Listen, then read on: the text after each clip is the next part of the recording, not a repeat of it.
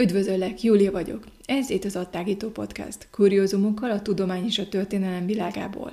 Elképesztő, abszurd és humoros érdekességekkel. Tölt velem néhány percet a szkeptikus Houdinivel és a spiritizmussal.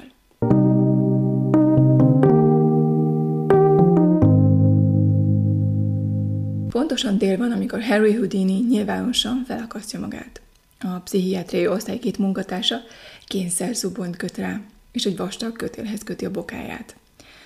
Ezután egy darú fejjel lefelé a levegőbe húzza.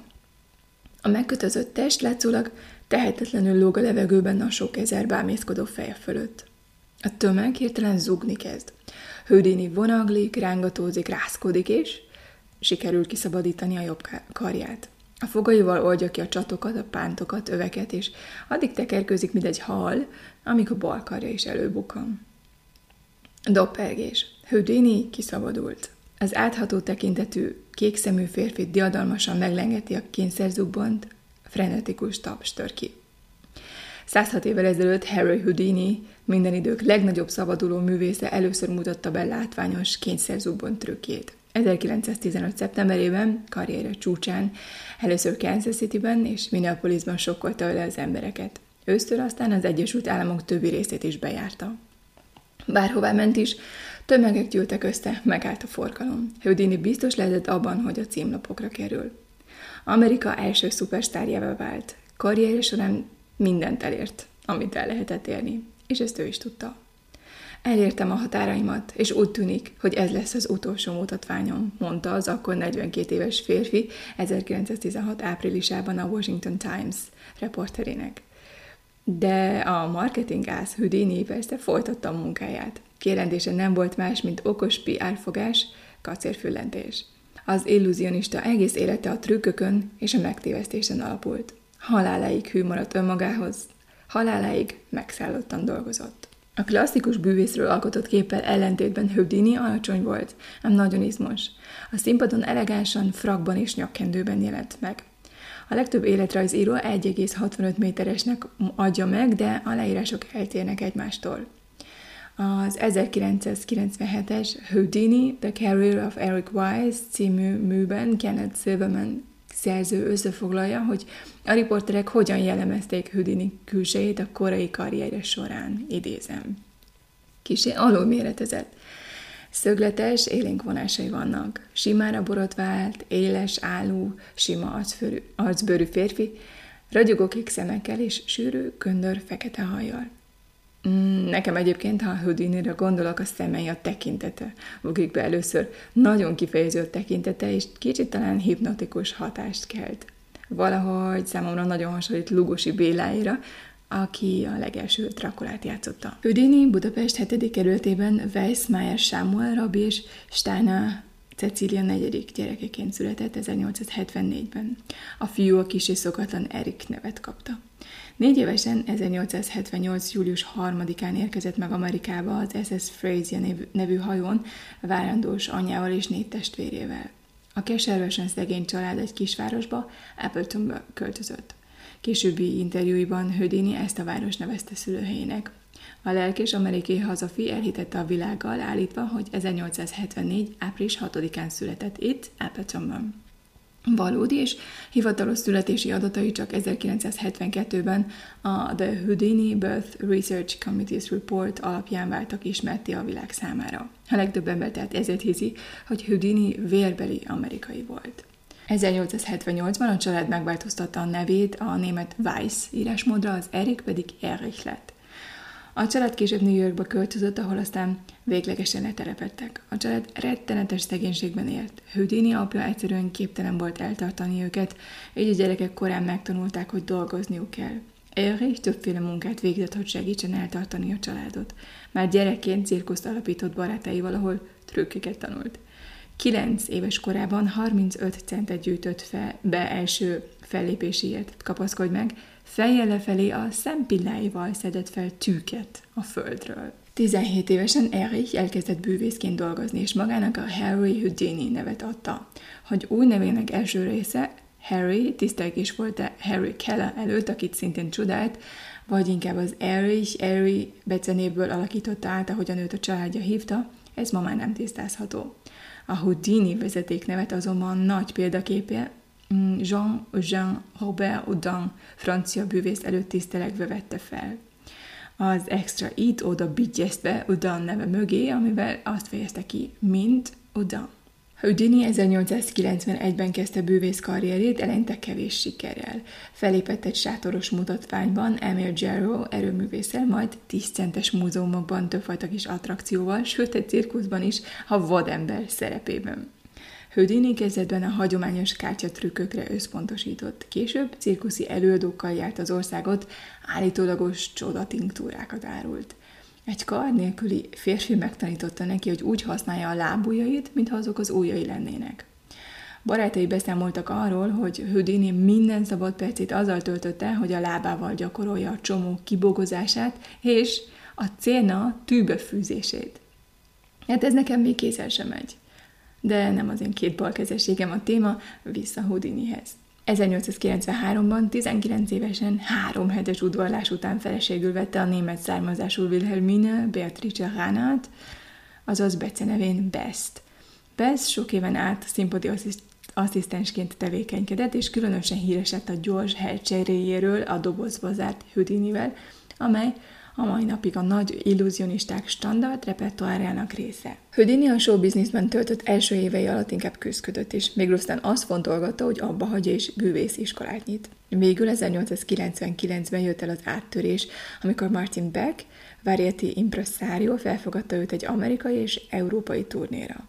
Beck tanácsára Houdini műsorának központi elemévé tette a szökéseket. Bárhová ment Houdini, a szabaduló művész mindenütt ugyanazzal csavarta az újja köré a közönségét. Azzal kezdte a műsorát, hogy díjat ajánlott fel annak, aki meg tudja állítani a bilincs királyt. Ezután nyilvánosan megbilincseltette magát, vagy leláncoltatta és bezáratta magát, például a helyi rendőrőrse, hogy rövidebb később, kiszabadulva újra megjelenjen. A fejpészt soha senki nem kapta meg még a brit lakatos Nathaniel Hart sem. Ez utóbbi öt éven át dolgozott egy, különlegesen, egy különleges bilincsen. Nem lehet feltölni őket, hirdette a férfi. De hm, tévedett. Több mint négyezer néző és száz újságíró volt jelen, amikor Houdini 1904. március 17-én elfogadta a, do- a londoni Daily Illustrated Mirror által szervezett kihívást. A szökési kísérlet több mint egy órán át húzódott, amelynek során Houdini többször is ellenbújt a szellemházából.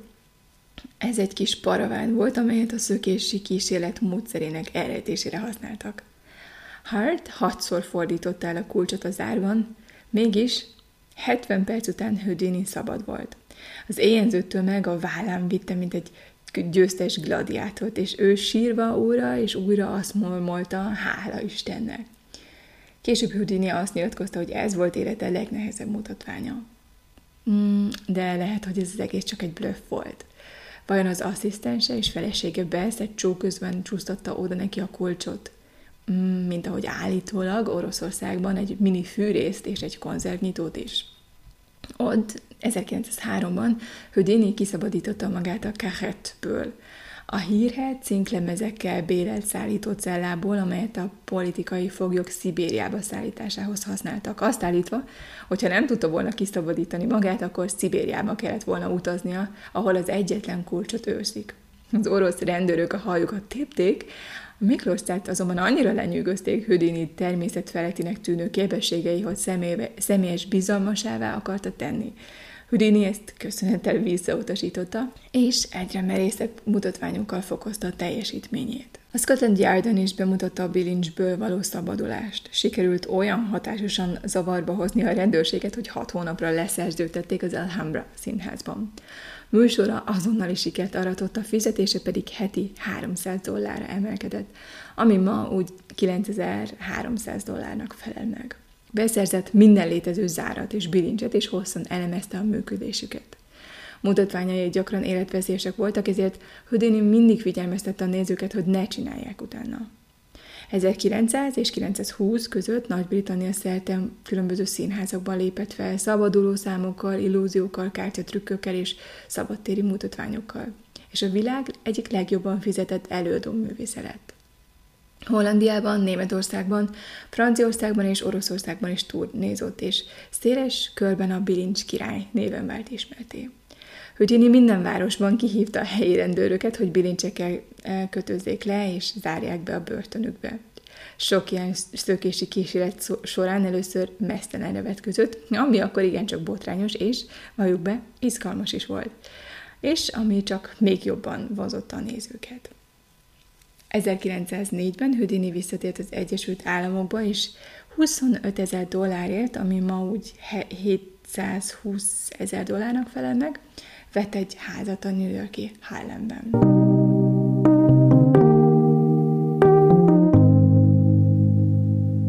Az ambíció és a maximalizmus a fiatal erőket a nyomorból a csúcsra repítette. Mindig első akarok lenni, ezért élek, és ezért adom minden erőmet. Ha ezt nem bírom tovább, akkor búcsút akarok mondani az életemnek, mondta egy újságírónak 1910-ben. És még valami. Ha még egy szótárba és a szókincsbe is bekerülsz, akkor elmondhatod magadról, oké, okay, elértem valamit. Ahogy ez Houdinivel is történt. A Funk és a Wagner szótár 1920-as kiadásában szerepel a Houdinize, igen, ami azt jelenti, hogy kiszabadítani, vagy kiszabadítani magunkat fogságból, kötelékből vagy hasonlóból, például kicsavarodással. Houdini egészen megszállottan edzette a testét, a trükkökre tudatosan készült. A trükkök legtöbbét egyébként saját maga találta ki. Játszott a pánikkal, a halálfélelemmel, a törések, sebek és egyéb sérülések, a fizikai fájdalmak tűrése mindennapjai részei voltak. Földökkádban edzette magát, hogy a lélegzetét akár négy percig is vissza tudja tartani. Ahogy említettem, a lábujjaival csomót tudott kötni, és megtanult tárgyakat egyben lenyelni. És itt megemlítenék néhány extravagáns trükköt, amelyek a világhírnevet és végül is a halhatatlanságot hozták meg Houdininek. Houdini egyik világhírű, nem szabadulásos színpadi illúzióját a New Yorki Hippodromban mutatta be, amikor egy kifejlett elefántot tüntetett el a színpadról. 1908-ban bemutatta saját mutatványát, a teljes kannás szökést. Ebben a mutatványban Houdinit megbilincselték, és egy túlméretezett, vízzel teli teljes kannába zárták, ami aztán egy függő mögé került. A mutatvány részeként Houdini felkérte a közönség tagjait, hogy tartsák vele együtt vissza a lélegzetüket, amíg ő a dobozban van. A szökést drámai plakátokkal reklámozták, amelyek azt hirdették, hogy a kudarc fulladásos halált jelent, és ez szenzációnak bizonyult. Houdini hamarosan úgy nehezítette a szökést, hogy a teljes kannát egy faládába zárta, leláncolta vagy lakattal zárta. Ma a Houdini által használt teljes kanna és a fedélzeti láda az Amerikai Bűvész Múzeumban található. 1911-ben Houdini az angliai Chathamben egy időzített gyújtózsinórral felszerelt, töltött ágyú csöve elé köttette magát. Egy évvel később, 1912 körül az utánzók nagy száma arra késztette Houdinit, hogy a teljes kannás mutatványát a kínai vízi kínzócellával helyettesítse. Ennél a szökésnél Houdini lábait egy kalodába zárták, és fejjel lefelé egy vízzel teli tartályba engedték. Houdini majdnem négy percig tartotta vissza a lélegzetét. A mahagóni és fémcellának üvegoldalai voltak, amelyeken keresztül a közönség jól láthatta őt. Az eredeti cellát egyébként Angliában építették, ahol Houdini először mutatta be a szökést egy személyes közönség előtt egyfajta egy felvonásos színdarab részeként, amelyet Houdini fejjel lefelé címmel adott elő. Ez azért történt, hogy szerzői jogot szerezzen a mutatványra, és így legyen alapja beperelni az utánzókat, ami sikerült is neki. Bár a a kínai vízi kínzócella, vagy a vízi kínzócella néven hirdeték, Houdini mindig upside down-ként, vagy USD-ként hivatkozott rá. A USD első nyilvános előadása a berlini Circus Bushban volt 1912. szeptember 21-én. Houdini 1926-ban bekövetkezett haláláig folytatta ezt a szabadulást. Egyik legnépszerűbb úgymond reklámfogása az volt, hogy egy szabályszerű kényszerzubbonyba sziaszta magát, és a bokájánál fogva egy magas épületről vagy darúról lógott le. Ezután az összegyűlt tömegszeme látára szökött meg. Ő sok esetben több tízezer bámészkodott vonzott, akik miatt esetleg a város forgalma megállt. Houdini néha úgy biztosította a sajtó visszhangot nagyon okosan, hogy a szökést egy helyi újság irodaházából hajtotta végre. New Yorkban Houdini a felfüggesztett kényszerzubbonyból való szabadulást egy olyan darúról hajtotta végre, amelyet a metró építéséhez használtak. Miután a testét a levegőbe dobta, kiszabadult a kényszerzubonyból. Attól kezdve, hogy a daru felemelte a levegőbe, egészen addig, amíg a kényszerzubony teljesen lekerült róla, 2 perc 37 másodperc telt el. És létezik egy filmfelvétel Houdiniről, amint ezt a szökést végrehajtja. Egy másik őrült mutatványom volt, hogy egy leszögezett és megkötözött ládából menekült ki, miután azt a vízbe dugták. A szökést először 1912. július 7-én hajtotta végre a New Yorki East River folyón. A rendőrség megtiltotta neki, hogy az egyik mólót használja, ezért felbérelt egy vontatóhajót és meghívta a sajtót a fedélzetre. Houdinit bilincsekbe és lábvasakba zárták, leszögelték a ládát, kötélel és 200 kg ólommal terhelték meg. Ezután a ládát beleeresztették a vízbe. A férfi 57 másodperc alatt szabadult ki. A ládát a felszínre húzták, és megállapították, hogy még mindig sértetlen a bilincsekkel együtt. Houdini egyik legőrültebb mutatványa az élve eltemetve volt, aminek több variációja is volt, és engem már most ver a víz, pedig csak elmesélem, hogy mit is csinált. Az első 1915-ben a kaliforniai Santa Ana közelében történt, és majdnem az életébe került. Houdinit koporsó nélkül temették el egy hat láb mély földködörbe, tehát körülbelül 180 centire. Ebben a mutatványban tényleg majdnem bele is halt. A trükk rettenetesen megerőltető volt. Ő kimerült és pánikba esett, miközben megpróbálta felszínre törni. Amikor a kezét végül kidugta a földből, eszméletét vesztette, és segítőiknek kellett kihúzniuk a sírból. Houdini azt írt a naplójában, hogy a menekülés nagyon veszélyes volt, és hogy a föld súlya gyilkos. Nagyon ne felejtsük el, olyan két tonna lehetett.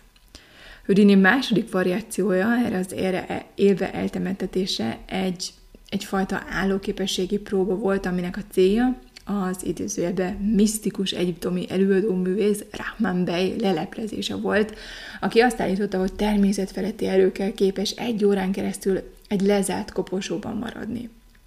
Houdini 1926 augusztus 5-én felülmúlt bejt, amikor másfél órán át maradt egy lezárt koporsóban, amely a New Yorki Hotel Shelton úszómedencében volt elmerítve. Houdini állította, hogy nem használt semmilyen trükköt vagy természetfeletti erőt a mutatványához, csupán csak ellenőrzött légzést. Harry Houdini rendkívül sokoldalú volt. Amikor az epizódon dolgoztam, alig akartam elhinni, hogy mennyi mindent csinált életében egyáltalán hogyan férhetett bele ennyi minden egy ilyen rövid életbe. Hogy miről beszélek, következzen néhány mellékvágány Hödini életéből.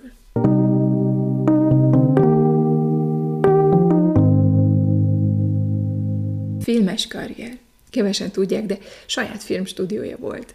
Houdini rövid néma filmes karrierje az 1919-es The Master Mystery, a Mester rejtély című kalandfilmmel kezdődött, amelyben egy beépített ügynököt alakított, aki menekülési képességét használva meghiúsítja a bűnözők terveit.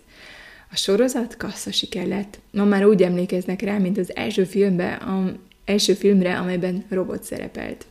És a bűvész még két filmben szerepelt, mielőtt saját stúdiót alapított volna. Houdini Picture Corporation néven.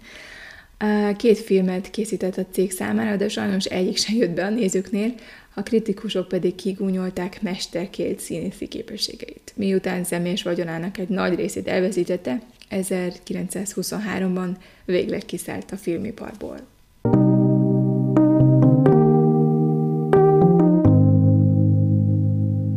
A repülés úttörője és vakmerő pilóta.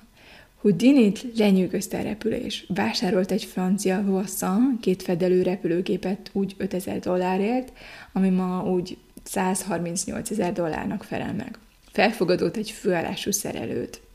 Ugyan egyszer lezuhan, de 1909. november 26-án a németországi Hamburgban végrehajtotta az első sikeres repülését. A következő évben Houdini Ausztráliában turnézott, magával vitte a repülőgépet is, és 1910. március 18-án másodikként repült Ausztrália felett. Három repülést hajtott végre Melbourne közelében, ám az újságok tévesen elsőnek jelentették őt be.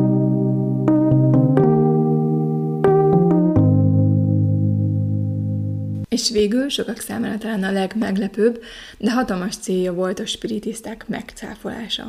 És mielőtt lekanyarodnánk a történetnek erre a hihetetlenül érdekes útjára, muszáj még két dolgot közbeszúrnom, hogy logikus maradjon a történet. Egy. Houdini soha nem állította magáról, hogy természetfeletti erőkkel rendelkezik, sőt, trükkökről beszélt. Trükkökről, amelyek veszélyesek voltak, látványosak, de trükkök maradtak. Pályafutása során Houdini bűvész testvériség számára írt könyveiben elmagyarázta néhány trükkjét. A Handcraft Secrets 1909-es könyvében például elárulta, hogy számos zárat és bilincset megfelelően alkalmazott erővel, másokat cipőfűzővel lehetett kinyitni. Máskor elrejtett lakat, pálcikákat vagy kulcsokat hordott magánál. Amikor kötélel vagy kényszerzó bonnyal kötözték meg, úgy nyert mozgásteret, hogy kihúzta magát, hogy vállait kifeszítette és melkasát kidomborította, karét pedig kisé eltartotta a testétől. És kettő, Houdini rajongásig szerette anyját, hihetetlenül mélyen. Az anya hatalmas szerepet játszott életében. Amikor Harry csillaga felmenőben volt és egyre többet keresett, vásárolt anyjának egy ruhát, amelyet állítólag Viktória királynőnek készítettek. Ezután nagyszabású fogadást rendezett, ahol édesanyja ebben a ruhában jelent meg a meghívottak előtt. Houdini elmondása szerint ez volt élete legboldogabb napja. Harry sok ezer ember előtt lépett fel nap, mint nap, híresek és gazdagok előtt, de naplójában mégis olyan fejezéseket találhatunk, mint például, amikor 1907-ben Rochesterben filmre, filmre vették Houdini első bilincses hídugrását.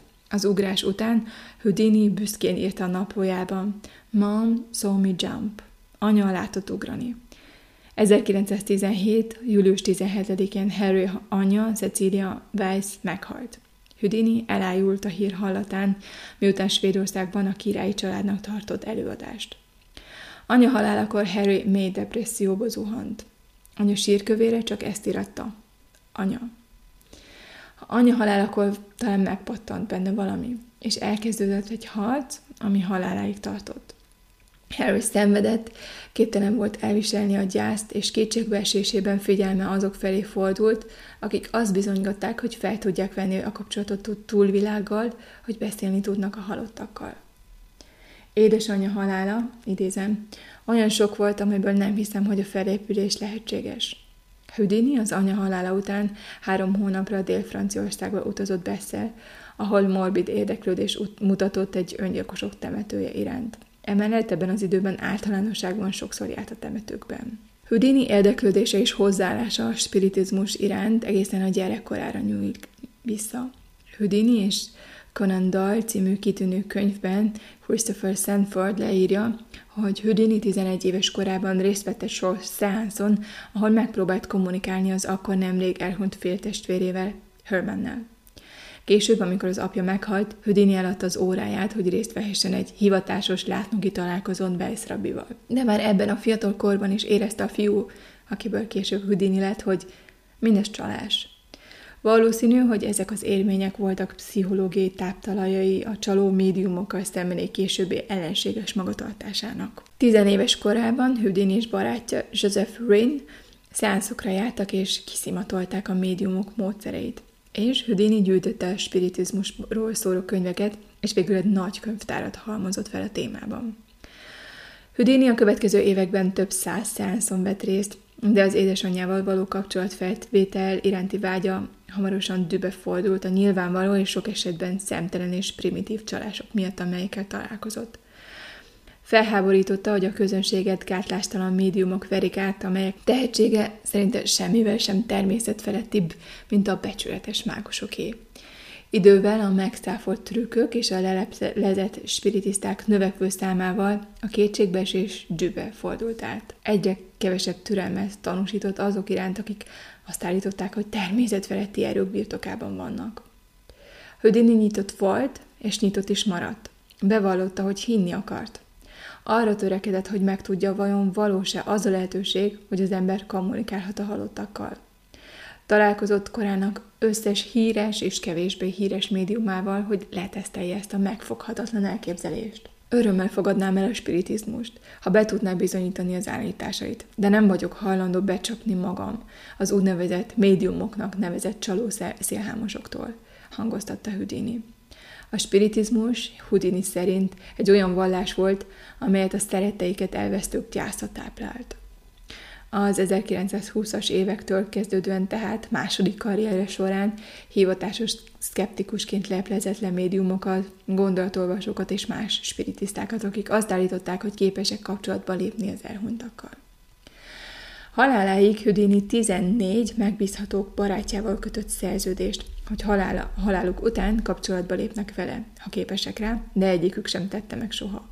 Titkos készfogásokat találtak ki, amelyeket egyetlen médium sem reprodukált.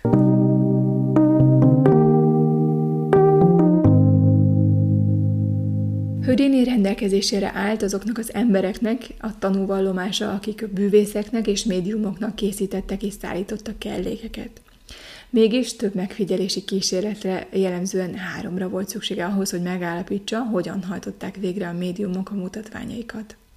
Elismert azonban egy fontos kikötést.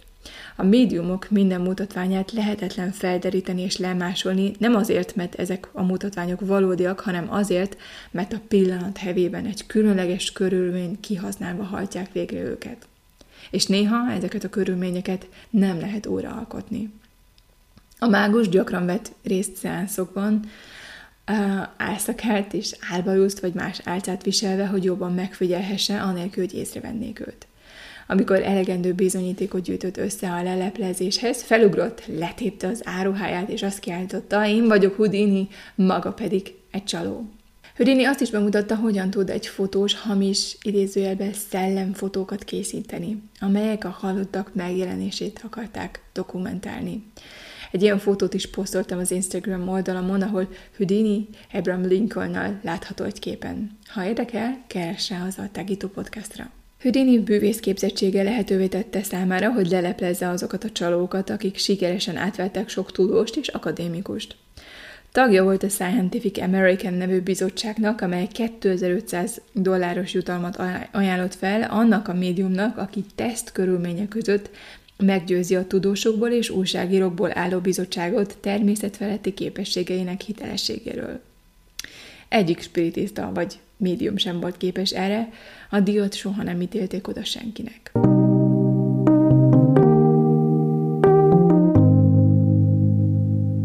Ahogy idézőjelben szellemírtóként egyre nagyobb hírnévre tett szert, Houdini áruhában egy riporter és egy rendőrtiszt kíséretében vett részt a szeánszokon.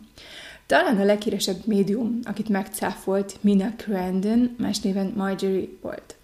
A nekromanta Mina Crandon azért vette célba, mert világszerte intellektuális személyek is sorra csatlakoztak miatta a spiritizmushoz. Marjorie, aki természetfeletti művoltának bizonyítékaként asztalokat lebegtetett, és állítólag minden testűré, testüregéből gomolygó ektoplazmát eresztett ki, kedves egészségére, ami egyébként egyfajta fehéres kísértetés anyag volt, amely Crandon kimonójának réseiből szivárgott elő. Bocs, de előbb a poént. A későbbiekben többen is megvizsgálták az ektoplazmás fényképeket, és megállapították, hogy ez az ektoplazma gyanúsan hasonlít az állati tüdőszövetre. Egy olyan anyagra, amelyet a férje, Dr. Crandon a Bostoni kórházban végzett munkája során igencsak egyszerűen beszerezhetett. Mina Crandon második házasságában ment férjhez a kiváló bostoni tanársebészhez, dr. Leroy Goddard Crandonhöz, aki a spiritizmus lángoló híve volt. Amikor együtt meglátogattak egy nekromantát, a nő megjósolta Crandonéknak, hogy Minának is megvan az a képessége, hogy vonza a halottak szellemeit. A százok során Mina elhunyt bátyjának, Walternek a szelleme állítólag még egy asztalt és táncra késztetett. Mina, aki most már Marjorie-nek nevezte magát, miközben médiumként dolgozott, azt akarta, hogy Walter szelleme testet öltsön benne, és állítólag gyakran, és akkor is megszólaltatta a hangját, amikor a száját kontroll céljából eltakarta. Magyarul hasbeszélő volt. Ahogy már említettem, a Scientific American magazin 2500 dolláros pénzdíjat ajánlott fel annak, aki teszt körülmények között meggyőzi a tudósokból és újságírókból álló bizottságot természetfeletti képességeinek a hitelességéről. A bizottság egyik tagja, surprise, surprise, Harry Houdini volt. A gazdag Quendonokat nem érdekelte a pénz, de a bizottság diának elnyerése presztízsel járt volna. A túlságosan kritikusnak tartott Houdinit J. Malcolm Bird, egy Marjorie-t imádó újságíró nem tájékoztatta arról a szeánszról, amelyen Marjorie állítólag a szellem világból érkező érintéseket és ektoplazmát, valamint lebegő tárgyakat észlelt, észlelt és hozott létre. Bird ezután egy cikket írt, amelyben közölte, hogy a bizottság Marjorie-nek ítéli oda a díjat. Amikor Houdini erről tudomást szerzett, leállította nyomdákat, és ragaszkodott ahhoz, hogy részt vegyen egy szeánszon Marjorie-vel. Houdini kikényszerítette, hogy Bird ne vehessen részt, mivel gyanította, hogy a férfi szerelmes a 36 éves nőbe, és ezért elfogult. Míg a legtöbb tagot meggyőzték a szeánszon kínált kísérteties jelenségek, mint például egy lebegő asztal és egy megafon, amely utasítás szerint lebegett, addig Houdini átlátott rajta. A szállodájába vezető úton a bűvész hangot adott érzéseinek.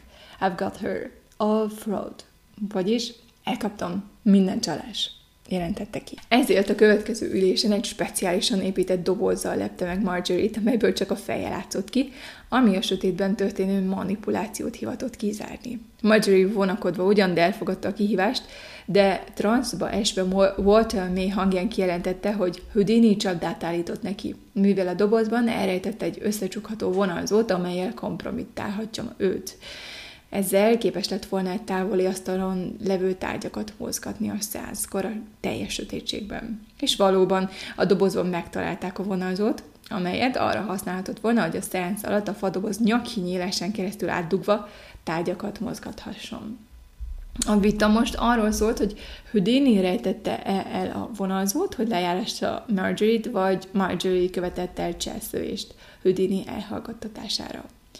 Csak zárójelben uh, Houdini asszisztensének állítólagos vallomása hamisnak bizonyult.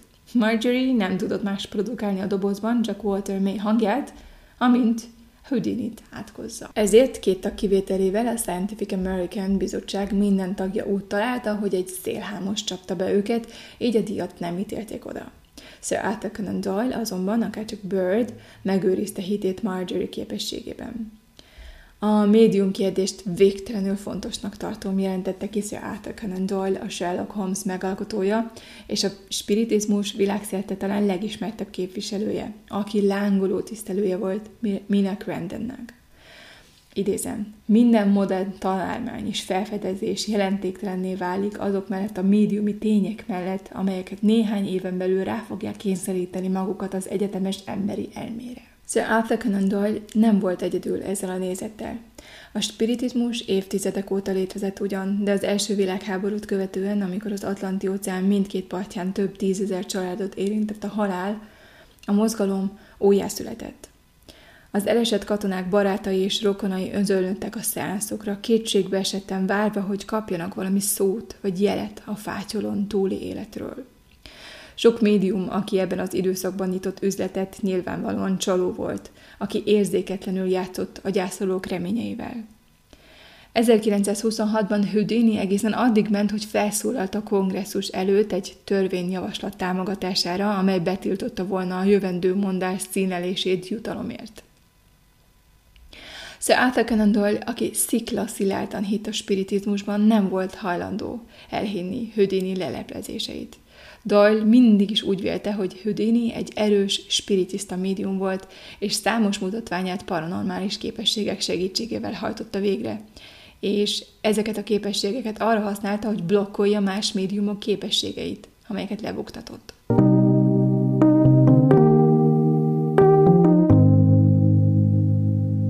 Houdini spiritizmus ellenes keresztes hadjáratának igazi gyökerei talán a Sir Arthur Conan Doyle-al való barátságban találhatók, és anya halála és a marhó gyász talán még inkább e felé terelte őt. Ahogy már mondtam, az első világháború után a spiritizmus hirtelen újra divatba jött. Doyle, aki a háborúban elvesztette a fiát és testvérét, a mozgalom szenvedés bajnoka lett. Houdini egy életre szóló tapasztalattal rendelkezett a trükkök terén, így doyle volt miről beszélniük, amikor 1920-ban találkoztak. Houdini 1922-es filmje, a túlvilági ember egyébként úgy végződik, hogy a karaktere egy Doyle könyvet olvas, és egyetértően bólogat. Ez Doyle egyértelmű támogatás, amit nem lehet figyelmen kívül hagyni. És itt Doyle társaságában történik a legfontosabb kapcsolat Cecilia Weiss és a spiritizmus között. 1922. június 17-én Lady Doyle szánszot tart Houdini-nak, amelyen őt, azaz Houdini anyját idézte meg, automatikus íráson keresztül. Lady Doyle azonban kínos hibákat követ el, de Houdini udvarias, és először megtartja a gondolatait magának. Ezt Sir Arthur annak jelő veszi, hogy Houdini a szellemek oldalára állt, és ezt nyilvánosan is kimondja. Most Houdininek meg kell szólalni a témában, és amit mondani akar, az nem túl dicsérő. Doyle erre védekezően válaszol, és hirtelen Houdini nyilvános vitába keveredik a barátjával. És ez is közrejátszik abban, ami arra készteti, hogy a médiumok után menjen. Minden áron meg akarja nyerni ezt a harcot, ami nagyon is Houdini-szerű. Ráadásul rájön, hogy ebből fantasztikus show kerekedhet, és a karrierjének is olyan lendületet ad, amit a filmeivel nem kapott meg. Houdini tehát a csaló médiumok lebuktatójává válik. Sir Arthur felesége, Lady Doyle médium volt, aki gyakran tartott szeánszokat, amelyeken úgy tűnt, hogy kapcsolatban áll a halottakkal. Egyébként az úgynevezett automata írás mestere volt. Az automata, vagy automatikus írás, más néven pszichográfia, állítólag az ember mentális képessége megváltozott tudatállapotban, írott szavak tudatos írás nélkül történő leírására. Sir Arthur teljesen meg volt győződve felesége képességeiről. A radikális nézetkülönbség ellenére Houdini-nek és Sir Arthur Conan Doyle-nak néhány évig tartó barátsága mély volt, ugyan gyakran írtak egymásnak kölcsönös tiszteletükről, és arról, hogy egyetértenek abban, hogy nem értenek egyet. A törés Houdini és Doyle kapcsolatában emiatt a szeánsz miatt történt meg 1922. június 17-én, amikor is Doyle meghívta Houdinit otthonába, hogy felesége Lady Doyle meggyőzze Houdinit az automatikus íráson keresztül. Lady Doyle, aki megidézte Houdini édesanyját, ezt írta, idézem.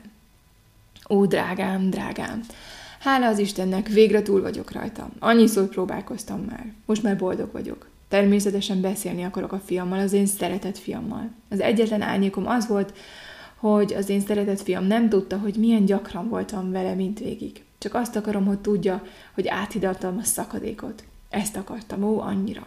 Most már nyugodtan pihenhetek. Hát, ez egy baromira általános levél, ha szabad ezt megjegyeznem, és ez volt Houdini meggyőződése is, aki egyáltalán nem volt lenyűgözve. Annyira nem, hogy a New York Sun-nak írt levelében, amelyben a spiritualisták közgyűlésének 5000 dolláros kihívására válaszolt, Hürini azt írta. Tökéletesen hallanó vagyok hinni, de 25 évnyi kutatásom és több száz szánzon való részvétel során soha nem láttam vagy hallottam semmit, ami meggyőzött volna arról, hogy van lehetőség a túlvilági szeretteinkkel való kommunikációra. Arthur alig tudta elhinni, amit olvasott, hiszen épp az előbb mutatta meg személyesen Houdini-nak a bizonyítékot saját édesanyjának levelén keresztül. A barátja őszinteségéből vetett hite megingott és felháborodott. Hiszen a saját házamon, a saját feleségem által győződhettél meg a halottakkal való sikeres kommunikációról. Houdini válaszol a levéle kapcsolatban, amelyet Lady Doyle keze által kapott. Szívből szerette volna, ha bebizonyosodik, hogy igazi a kapcsolat. Izgalommal várta, de a levél teljes egészében angolul volt írva, tökéletes angolsággal, és Houdini anyja nem tudott angolul olvasni, írni vagy beszélni. Otthon magyarul vagy itt is beszéltek. Valamint a levelet egy kereszt díszítette. Houdini azonban zsidó családból származott, és mint zsidó személy miért rajzolt volna keresztet a levélre.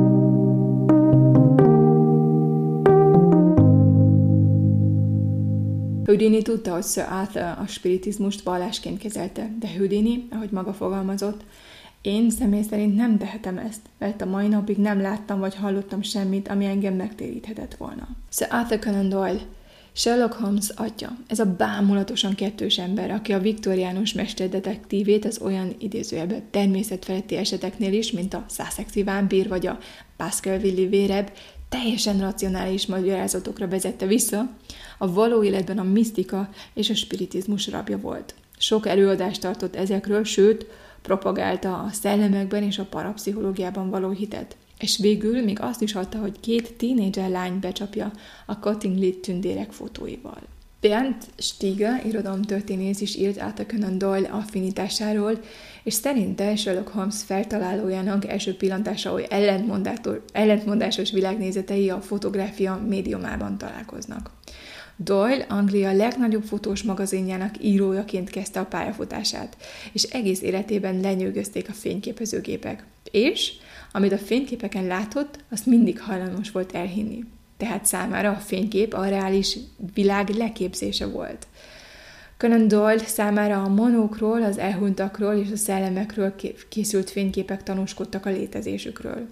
Az egykori orvos a fényképezést objektív rögzítő médiumnak tekintette, ahogyan hősét, Sherlock Holmes is úgy jellemezte, mint a legtökéletesebb megfigyelőgépet, amelyet a világ valaha is látott. Az empirikus alapokon nyugvó bizonyítékok és a spiritualizmus témájában megjelent számos publikációja közötti látszólagos ellentét tehát Conan Doyle számára talán egyáltalán nem is volt ellentétes. Az, hogy tévedett ebben a megítélésben, és így többek között annak a két kis csalónak is bedőlt, akik egy gyerekkönyvből manórajzokat és tündéreket tűztek növényekre, és lefényképezték őket, azt mutatja, hogy korának tipikus szelleme volt, állapítja meg Stigla. A tudományba vetett hit és a természet feletti iránti elfogultság között tépelődött. Mindkettő tükröződik az akkoriban új médiumban, a fotográfiában.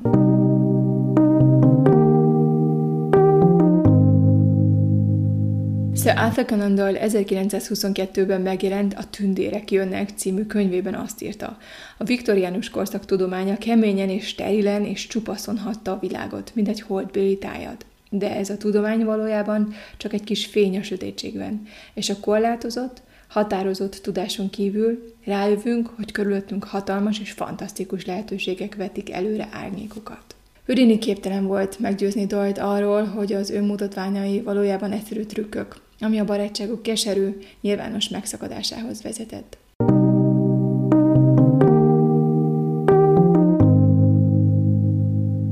...1917-től 1926-ban bekövetkezett haláláig Houdini az Amerikai Bűvészek Társaságának elnöke is volt.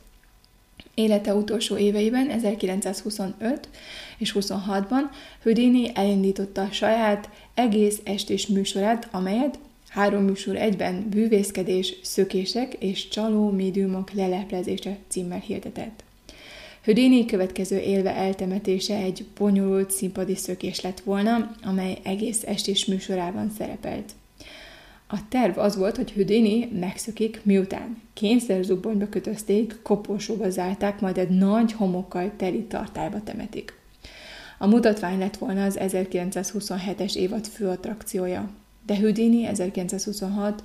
október 31-én meghalt. Szomorú kuriózum, hogy ezt az élve eltemettetéshez készített bronzkoporsót használták fel, hogy Houdini testét New Yorkba szállítsák a Halloween-kör bekövetkezett halálát követően. A Montreali Princess színházban Houdini öltözőjében történt incidens szemtanúi azt feltételezték, hogy Houdini halálát Jocelyn Gordon Whitehead okozta, aki többször is megöklözte Houdini hasát. A szemtanúk Jacques Price eh, és Sam Smilowitz diákok beszámolói általában alátámasztották egymást. Price szerint Whitehead megkérdezte Houdinit, hogy hisze a Biblia csodáiban, és hogy igaz-e, hogy a gyomorba mért ütések nem fájnak neki. Houdini laza választ adott, hogy a gyomra sokat kibír. Whitehead erre hirtelen minden figyelmeztetés nélkül néhány nagyon erős ütést mért Houdini hasára. Houdini ekkor egy kanapén feküdt, mivel néhány nappal korábban a fellépés közben eltörte a bokáját. Price szerint Houdini minden egyes ütésnél összerezent, és egy ütés közepette hirtelen megáll, megállította a Whiteheadet, jelezve, hogy elég volt. És hozzátette, hogy nem volt lehetősége felkészülni az ütések ellen, mivel nem számított arra, hogy Whitehead ilyen hirtelen csap le rá. Ha nem tört volna el a bokája, akkor felállt volna a kanapéról, hogy jobb helyzetbe hozza magát, és hogy kitámaszza magát. Ezután Houdini egész este nagy fájdalmak közepette lépett fel, nem tudott aludni, és a következő két napon is állandó fájdalmai voltak, de nem fordult orvosi segítségért. Amikor végül orvosot fordult, már megállapították, hogy 39 fokos láza és akut vakbélgyulladása van, és azonnali műtetet javasoltak neki. A tanácsot figyelmen kívül hagyta, és úgy döntött, hogy folytatja a műsort. 1926. október 24-én, amikor Houdini megérkezett a Michigan állami Detroitban levő Garrick színházba, az utolsó előadására, már 40 fokos láza volt. A diagnózis ellenére Houdini színpadra lépett. A műsor alatt elájult, de összeszedte magát és folytatta. Ezt követően a Detroiti Grace kórházba szállították. Nem egészen világos, hogy az öltözői incidens okozta Houdini későbbi halálát, mivel a tomba trauma és a vakbétgyulladás közötti kapcsolat kicsit bizonytalan.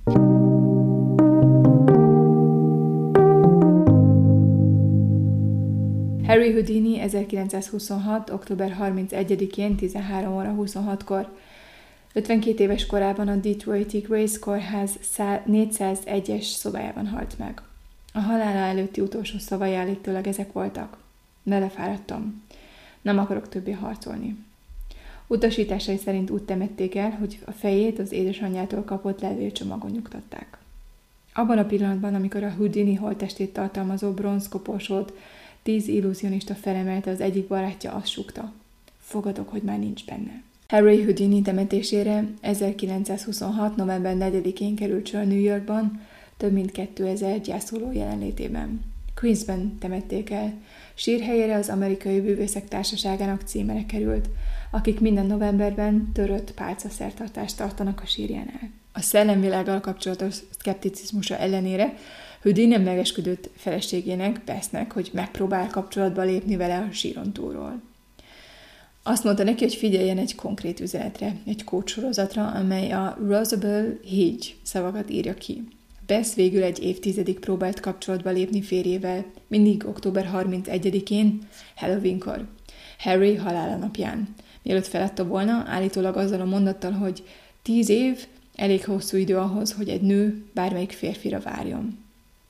Mások azonban folytatták a megidézését, és az 1930-as évek óta a rajongók minden Halloweenkor Houdini szeánszokat tartanak, hogy megpróbáljanak kommunikálni a bővész szellemével. Még egy hivatalos Houdini szeánsz is létezik, amelyet minden évben más-más városban tartanak. És csak zárójelben 1929-ben Arthur Ford, Bess akkori társa állítólag kapcsolatba lépett Houdinivel, és Ford állítólag közvetítette a titkos kódot, de Bess később bevallotta, hogy az eset hogy az esetet csak megjátszották. Houdini hagyatékának és emléktárgyainak nagy részét bűvész kollégájára és barátjára John Mulhollandra hagyta. 1991-ben David Copperfield, illúzionista és televíziós előadó művész megvásárolta a gyűjteményt, amelyeket most Copperfield raktárában Las Vegasban archiválnak és őriznek. Ez a világ legnagyobb Houdini emléktárgy gyűjteményét tartalmazza, és mintegy 80 ezer darab Houdini és más bűvészek emléktárgyait őrzi. Köztük Houdini színpadi kellékeit és anyagait, az átépített vízi kínzó szekrényét és a metamorfózis ládáját. A nagy közönség számára nem látogatható, de meghívás alapján bűvészek, tudósok, kutatók, újságírók és komoly gyűjtők számára túrákat szerveznek. Harry Houdini életében bűvészként és szabaduló művészként volt ismert, de szkeptikusként a hamis médiumok és a profit-orientált spiritisták fáradhatatlan lebuktatójaként is. A stratégia, amit követett, igencsak egyszerű volt, amely a tudományos módszerek alapvető lépésein alapul. Keményen dolgozott minden új hipotézis megcáfolásán, bár nyitott maradt az új bizonyítékokra. Úgy is fogalmazhatnék, hogy Houdini a modern szkeptikusok egyik atya. Sem láncok, sem bilincsek, sem fadobozok, sem kényszerzubonyok, de még börtöncellák sem tudták őt megállítani. A koldó szegény bevándorló fiú, aki előbb előadó művész kisvándor cirkuszokban, később a bilincsek és zárak szakértője, kaszkadőr és szenzációhajház, jól fizetett sósztár, szenvedélyes gyűjtő és harcos a nekromanták és mesterkedéseik ellen, Houdini mindezekből állt. Sok évvel korai halála után Harry Houdini személye és mítosza továbbra is lenyűgöz, és elképeszt minket. Ennyi volt az agytágítás mára, remélem tetszett a mai rész. Ha kíváncsi vagy, további információkat, fényképeket és linkeket posztoltam az Instagram oldalamon, keres az agytágító podcastra. Hamarosan újra jelentkezem, addig is maradj szkeptikus, maradj kíváncsi.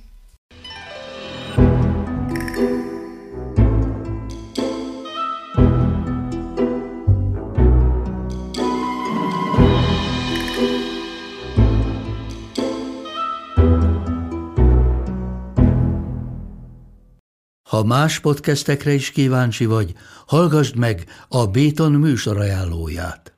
El tudod képzelni, hogy a podcastet, amit éppen most hallgattál, fél év múlva már a mesterséges intelligencia generálja? Mi sem. De ha érdekel, eljötte már a gépek lázadása. Hallgass bele az Embertelen podcastbe. Orsós Lajos vagyok, a műsor házigazdája. Egyelőre még élőben. Egyelőre. Fedezzük fel együtt, hogyan ismerkedik, randizik, mesél és vitatkozik Betty és Péter, két teljesen mesterséges intelligencia. Lajos, a podcast címét mond még egyszer, Léci. Oké. Okay. Embertelen podcast. Ez a műsor a Béton közösség tagja.